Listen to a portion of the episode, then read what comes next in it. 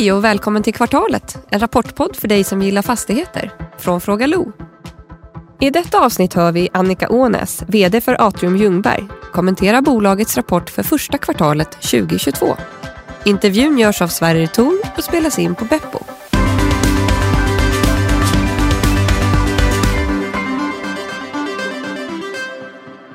Säger vi hej och välkomna till ännu en säsong av Kvartalet. Och vi börjar med, som vanligt höll jag på att säga, med Annika Ånäs. Hej Annika och välkommen! Nej men hej, tack så mycket! Vi kanske inte börjar alltid med dig, men ni brukar ju vara tidigt ute i alla fall. Ja, vi är ju först den här gången i alla fall. Vi vill ju bli klara ja, här inför påskledigheten. Så de andra får väl jobba på under påsk när vi äter sill och potatis. ja, det så ni tänkte kanske. Eh, allt bra med dig? Det är mycket bra. Det har varit en väldigt intensiv dag, men väldigt roligt. Och eh, mm. nu är det dags för lite semester, så det känns extra bra. Kul, kul. Jag tyckte rapporten var väldigt stark. Vad tycker du själv? Jag är jättenöjd med den rapporten och det är framförallt två saker jag är nöjd med. Jag är nöjd med nettouthyrningen och jag är nöjd med värdeförändringar där vi också plockar fram ytterligare projektvinster på 600 miljoner. Mm, mm. Vi ska höra vad, vad Niklas Höglund på JLL har att säga också. Yes. Ja, då var det dags för en snabbanalys av Atrium Ljungbergs första kvartal. Och det är en lite blandad rapport där förvaltningsresultatet är något lägre än eh, förväntningarna när vi tittar på Dagens Industri.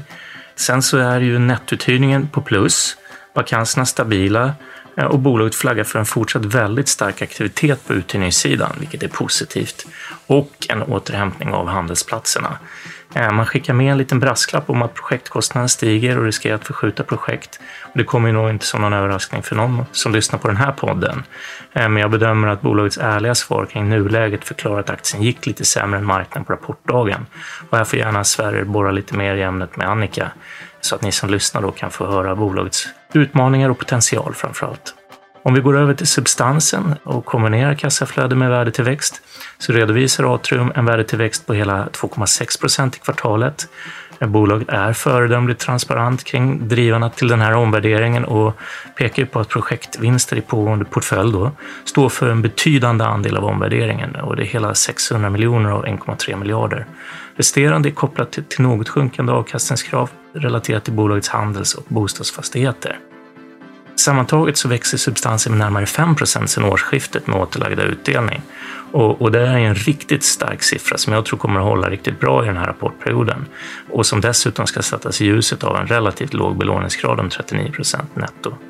Projektportföljen är fortsatt viktig värdedrivare framåt och bolaget stod kvar vid sin strategi från kapitalmarknadsdagen i Q4. Där ökade man transparensen om vad man förväntar sig, både när det gäller projektvinster och driftsnetton från den här portföljen. Bolaget ser en potential att dubbla fastighetsbestånd och driftsnetto och på toppen av det så ska man göra det på ett klimatneutralt sätt och halvera klimatpåverkan i projekten. De högre kostnaderna som vi ser i dagsläget riskerar givetvis att minska marginalerna. Eh, bolaget förtydligar att man har en 10-20 i kudde i sina estimat och att det högre kostnadstrycket bör även kunna kompenseras på hyressidan. Största risken i dagsläget är leveranser, vilket då skulle kunna förskjuta projekt. Aktien har klarat sig bra om man tittar på kursutvecklingen sedan årsskiftet, bara ner med 5 procent när den här podden spelas in och det är betydligt bättre än, än sektorn som är ner med 19 procent och ett nordiskt börsindex som är ner 10 Aktien handlas ju fortsatt till en väldigt hög rabatt, det är 27 procent efter eh, stängningen på rapportdagen det ska ju jämföras med 16 procent som den var efter Q4-rapporten. Så det är 11 procentenheter högre rabatter då, sen Q4 trots den här 5% ökningen av substansen. Och eh, bolaget handlas dessutom med en högre rabatt än snittet sedan 2015 som ligger på 14 procent på kvartalsbasis. Jag tycker det är svårt att sätta fingret på vad som förklarar rabatten i dagsläget. Tidigare så har det varit osäkerheter kring retail-exponering och, och hyresmarknad, så det kan fortsatt ligga kvar lite grann. Man hade också tidigare lite sämre transparens kring lönsamheten i projektportföljen, men det har man definitivt förbättrat med de senaste rapporterna. Och de senaste rapporterna visar också en tydlig återhämtning av underliggande driftsnetton kombinerat med den här transparensen kring den här fantastiska projektportföljen. Och bolaget har ju en relativt låg belåningsgrad som också bör gynna eh, bolaget i den här vad ska man säga, osäkra eh, ränteläget som råder just nu. Och det här borde helt klart ge ett bättre relativt stöd eh, när marknaden normaliseras och underbygger avkastningsprofilen i en aktie som man kan köpa till en substantiell rabatt. Så tackar vi Niklas för det. Och ni har ju inte fått eh, stående ovationer av marknaden idag, men enligt, enligt vad jag har kunnat utröna så handlar det väldigt mycket om projektkostnaderna. Att de förväntas bli högre än tidigare. För hyresaffären går ju som, som tåget just nu. Har du någon recension av marknaden? Ja, jag delar faktiskt inte riktigt din bild där. Eh, man mm. tittar på hur aktien har gått så gick den ju ner väldigt eh, kraftigt först till att börja med. Eh, sen när man analyserar lite närmare så har vi ju tagit igen betydligt bättre och på slutet så ligger vi bättre till än branschkollegorna. Så det känns ju skönt att avsluta bra. Mm. Och sen tror jag att det mer handlar om ytterligare oro kring räntan som var väldigt tydligt just idag. Mm. Ska vi börja med den kanske? För det är ju, det är ju ändå den... När jag var på Mittbim här eh, för några veckor sedan, då var det ändå den, den springande tråden. Det och kriget i Ukraina såklart. Men alltså räntekostnaderna är ju... Det är ju den viktigaste insatsvaran kanske för, för fastighetsbolagen, är ju pengar. Och, och pengar kommer bli dyrare. Vad, vad, hur ser din analys ut? Nej, men det är klart att vi kommer ifrån ett läge där det varit låga räntor under väldigt lång tid. Nu finns det ett inflationstryck och samtidigt som då eh, de pengar som har funnits i marknaden som är kopplat till att man har subventionerat marknaden på ett sätt där man ska dra tillbaka de här stöden som har varit. Eh, och då kommer det ju naturligtvis påverka räntorna framåt. Sen tänker jag två saker. För det första har vi en inflation, vilket gör att realräntan är ju faktiskt fortfarande negativ. Eh, mm. Och det andra är att vi som bolag har ju en duration på räntan som ligger väldigt väl till. Eh, och just mm. nu är det väldigt märkligt på räntebanan för att eh, swappar man en femårig kostar lika mycket som en 30-åring. Eh, och det betyder att marknaden egentligen inte tror på att det långvarigt kommer att vara räntehöjningar utan att det kommer flacka ner över tid. Okej, okay, okej. Okay. Eh, du är ju gammal CFO så jag vet att det här är ett specialintresse. ja, nej, men det är en eh, viktig ingrediens eh, och att följa marknaden på många plan, det är viktigt såklart. Mm, mm. Men vi har ju ändå, alltså vi har ett väldigt märkligt läge. Vi har, som du säger, en ränta som har i stort sett varit obefintlig i, i liksom flera år. Vi har en inflation som ännu mer har varit obefintlig i flera år. Vi har gilder som är ju nedtryckta till ja, någon form av botten skulle man kunna tro. Alltså, går vi mot... Är det inte oundvikligt att vi går mot en lite eh, sämre inom citationstecken tider på, på, på där, just den fronten? Fast det är ju så att om vi har mycket inflation i marknaden som i och för sig driver upp räntorna så betyder det också att vi har hyreshöjningar som också genererar ökningar av våra fastighetsvärden i slutändan. Så att det, mm. allt annat lika behöver inte det vara negativt för sektorn och det finns fortfarande väldigt mycket kapital som behöver placeras. Eh, och titta på allt det inflöde kring pensionskapital som till exempel ska investeras på den svenska marknaden. Så att det behöver inte vara så tokigt för fastigheter relativt andra investeringar, för det är hela tiden relativscenariot som man måste titta på. Eh, mm, och mm. Ja, vi vet att i tidigare turbulenta tider så har faktiskt mycket kapital just gått till fastigheter för att man känner att det finns en stabilitet där på längre sikt. Mm. Mm.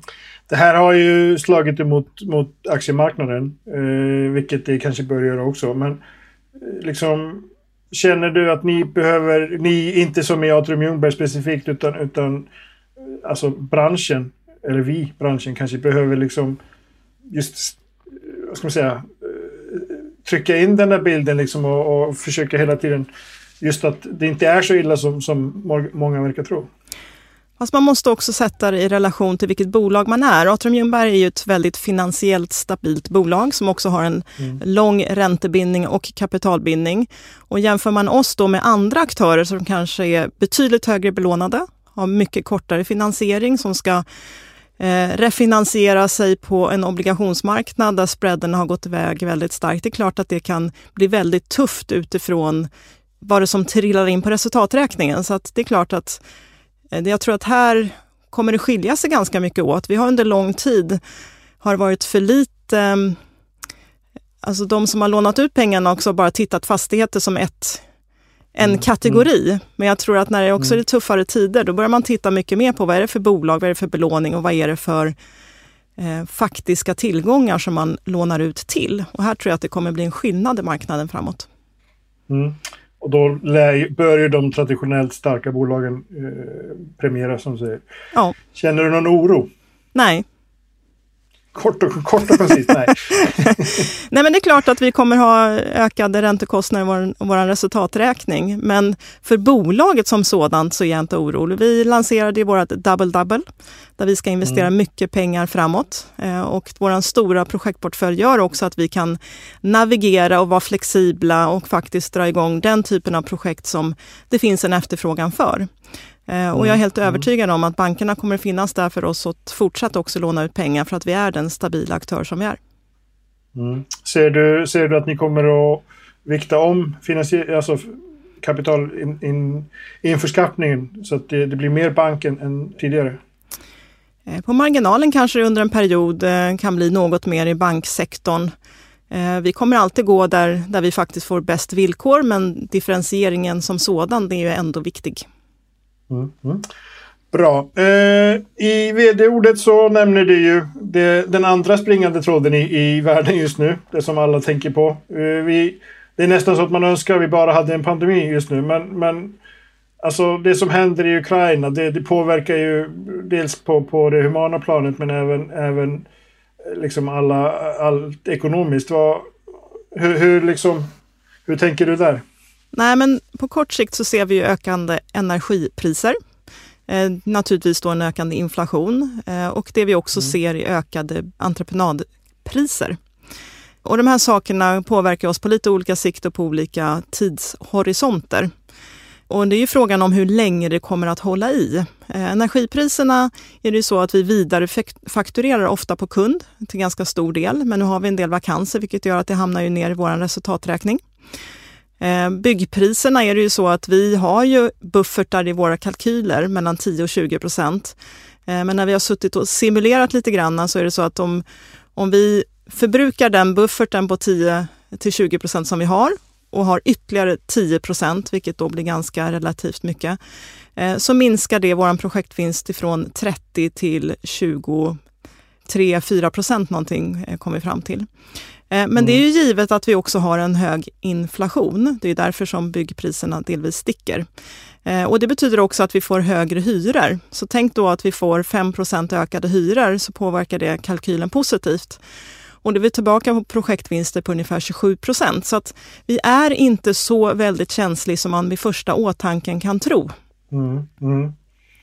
Nu har du ju redan svarat på min nästa fråga som var, finns det, har du någon guidning på hur mycket projektkostnaden kan stiga? Eller ja, nästan svarat på den. Men, men finns det någonstans, alltså det låter som att det kommer krävas rätt mycket till att era kalkyler inte ska gå ihop. Ja, sen vet vi ju inte exakt eh, prisutvecklingen. Det jag kan konstatera att eh, ett byggindex har de senaste tio åren legat på plus 2,6 procent per år ungefär. De senaste 12 månaderna så ligger vi på 12 procent. Så det är klart att det är en stor skillnad. Eh, Och då får vi manövrera i det här på bästa sätt, att lägga mer pengar till ombyggnationer som ser bättre ut just nu. Eh, och eh, sen får vi fundera på just utifrån bostadsrättsportföljen. Där kanske vi måste skjuta lite på några projekt eh, till förmån för mer kommersiellt och beroende på hur marknaden ser ut. Men det som är en stor fördel för oss det är just att vi har den här stora projektportföljen med olika ingredienser vilket gör att vi kan takta lite grann på, utifrån de förutsättningarna som finns. Mm.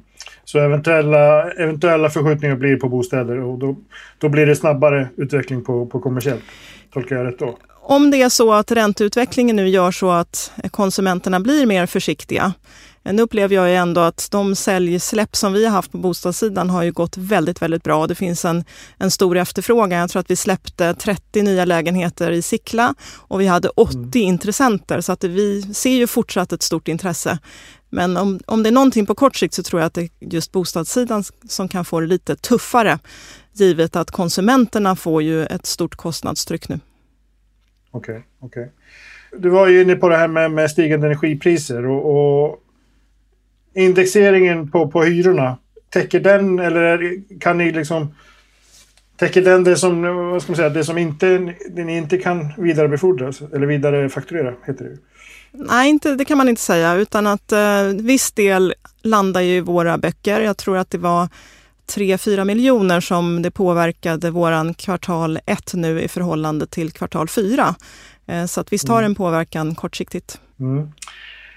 En annan aspekt på det här med, med, med kriget är ju att det är inte bara energikostnader och, och, utan materialkostnader utan det kan ju uppstå en materialbrist till och med vilket är ju någonting man har pratat om rätt mycket senaste veckorna också. Yes. Hur Ser du någon risk där att det kan påverka projektportföljen? På sikt, kort sikt såklart. Jag skulle säga att där har vi vår styrka i vår modell när vi bygger våra hus. Vi har egna projektledare som gör alla enskilda inköp själva.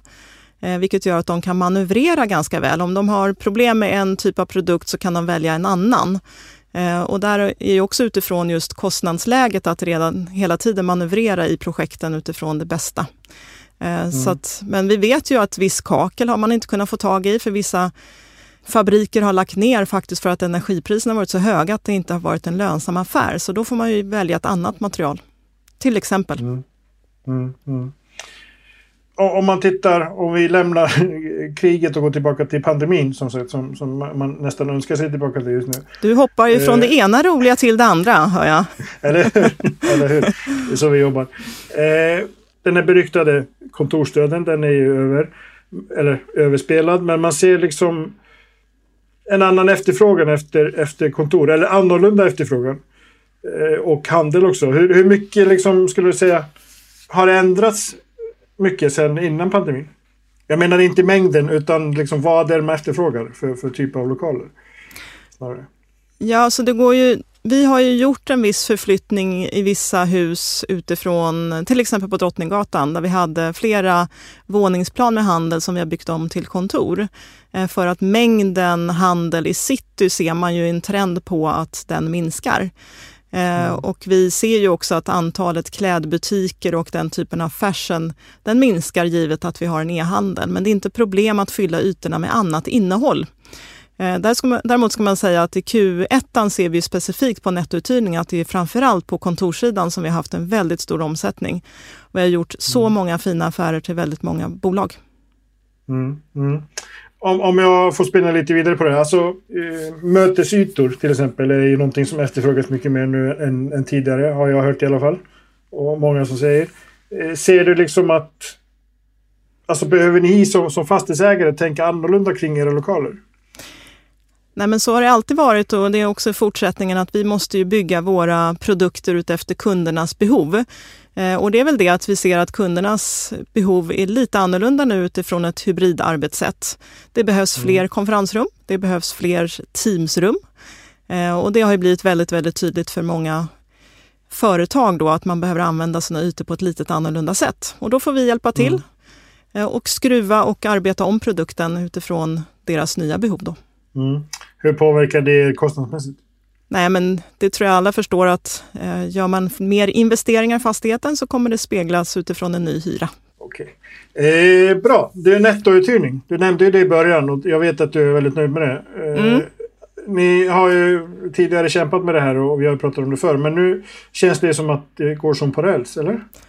Ja, men det måste jag säga. Alltså Q1 ser ju jätte, jättebra ut. Eh, vi hade ju 54 miljoner i så kallad vanlig nettouthyrning. Sen så har vi mm. själva sagt upp då hyresgäster för 10 miljoner till förmån för projekt. Så vi landar på 44 miljoner, eh, så det är en riktigt bra siffra.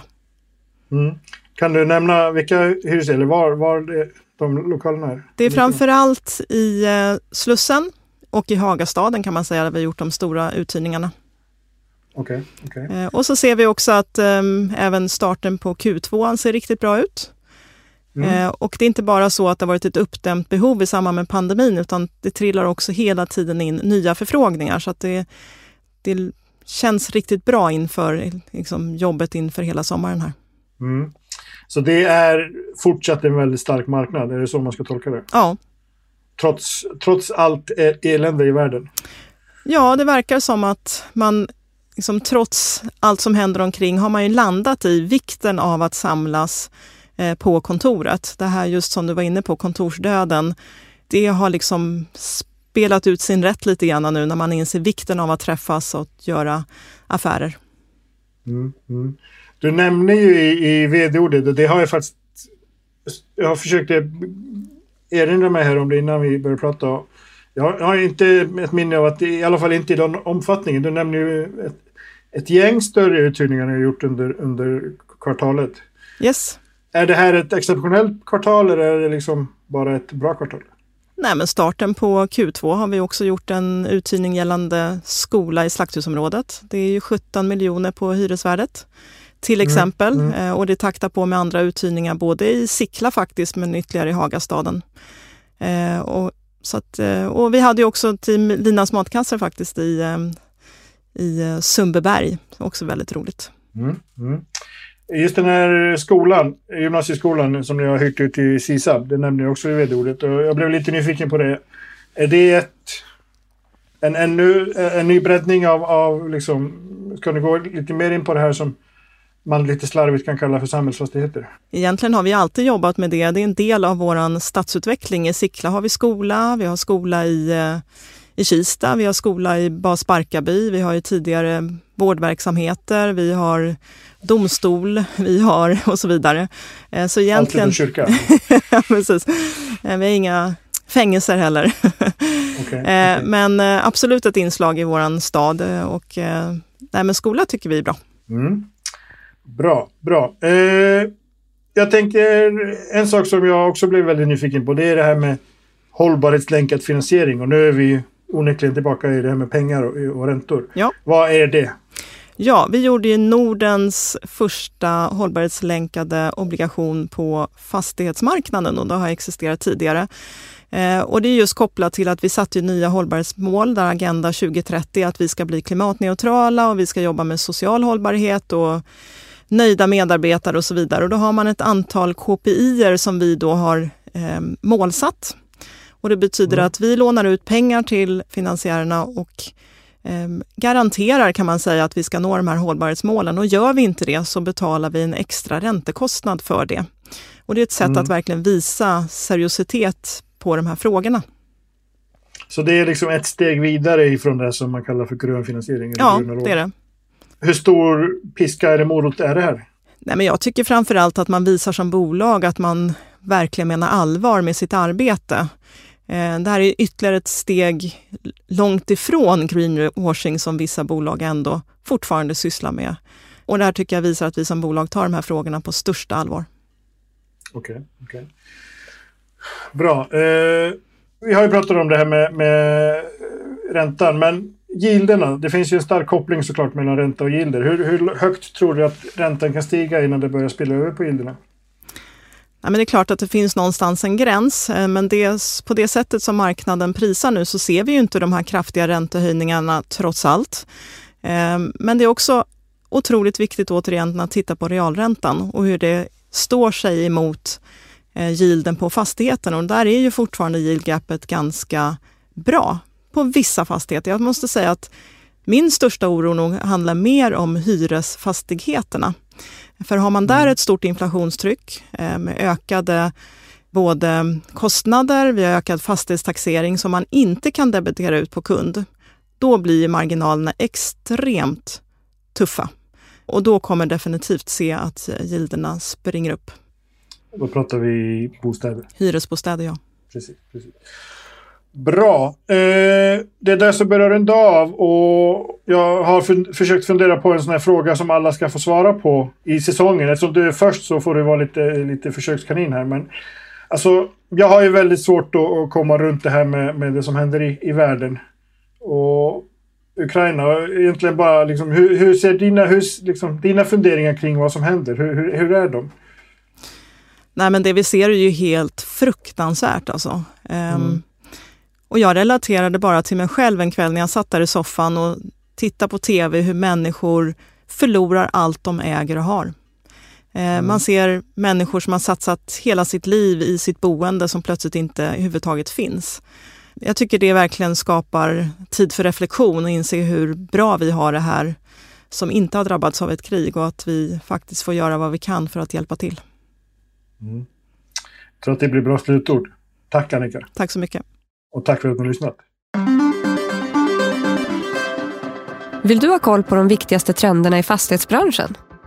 Lyssna på vår podcast Fastighetspanelen med Sveriges ledande rådgivare, där poddar finns.